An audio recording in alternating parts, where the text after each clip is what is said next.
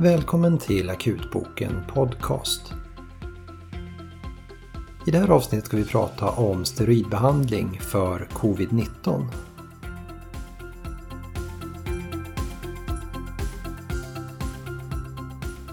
I juliavsnittet av podcasten pratade vi om steroidbehandling för covid-19 baserat på resultaten från Recovery-studien som då hade publicerats som en preprint.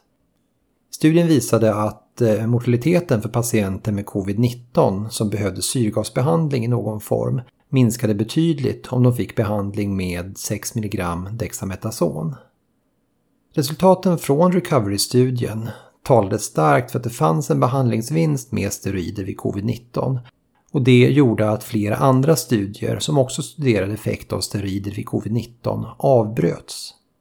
Många patienter hade dock redan inkluderats i de andra studierna och vi har nu fått en prospektiv metaanalys som polat data från sju studier förutom Recovery publicerad i JAMA.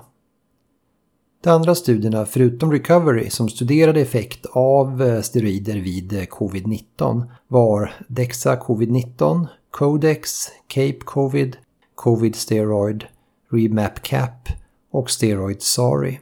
Totalt lyckades de här studierna inkludera, inklusive då Recovery-studien, 1703 patienter med svår covid-19 som alla behövde inneliggande vård på sjukhus och eh, syrgasbehandling i någon form.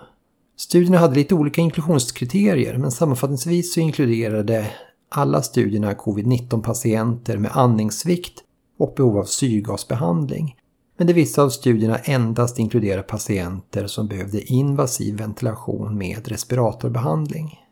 Studierna använde också olika typer av steroider och eh, sammanfattningsvis så kan steroiderna som användes delas in i fyra behandlingsstrategier.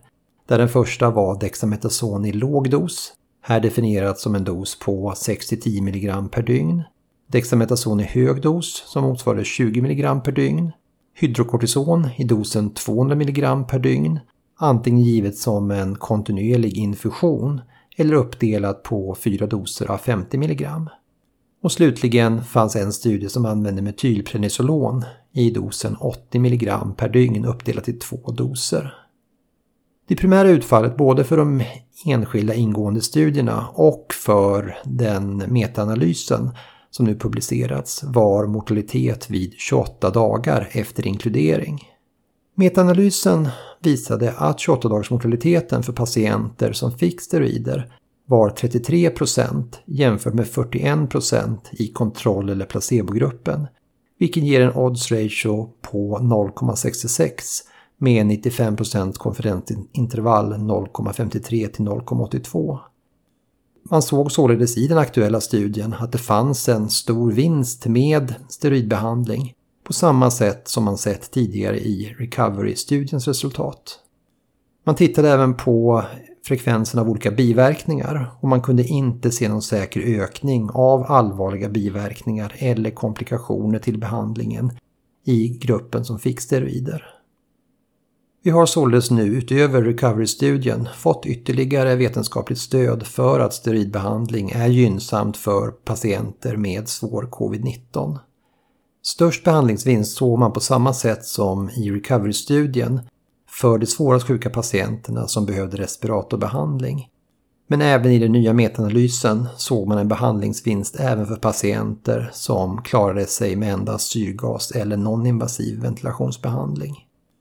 När man tittade på hela gruppen såg man ingen skillnad i behandlingseffekt mellan yngre och äldre patienter eller mellan män och kvinnor. Man gjorde också ett antal subgruppsanalyser och man tittade också på tiden när patienten fick behandling.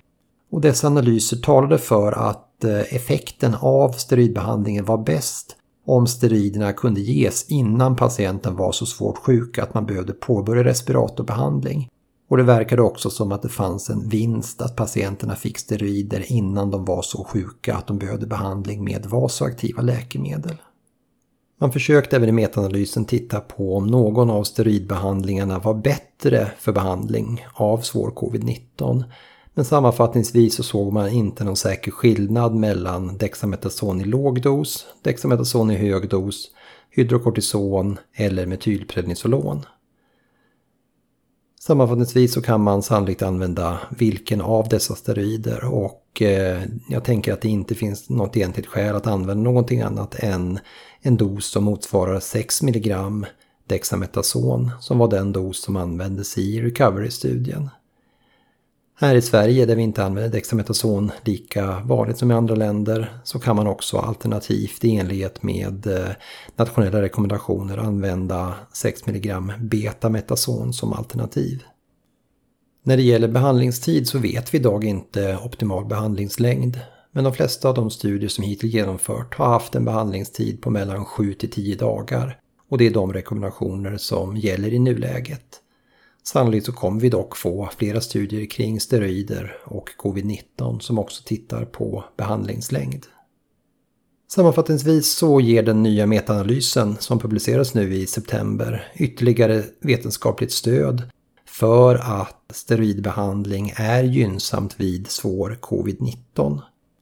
Så när du har en patient som du diagnostiserat med covid-19 och som har behov av syrgasbehandling i någon form så är det dags att påbörja behandling med steroider.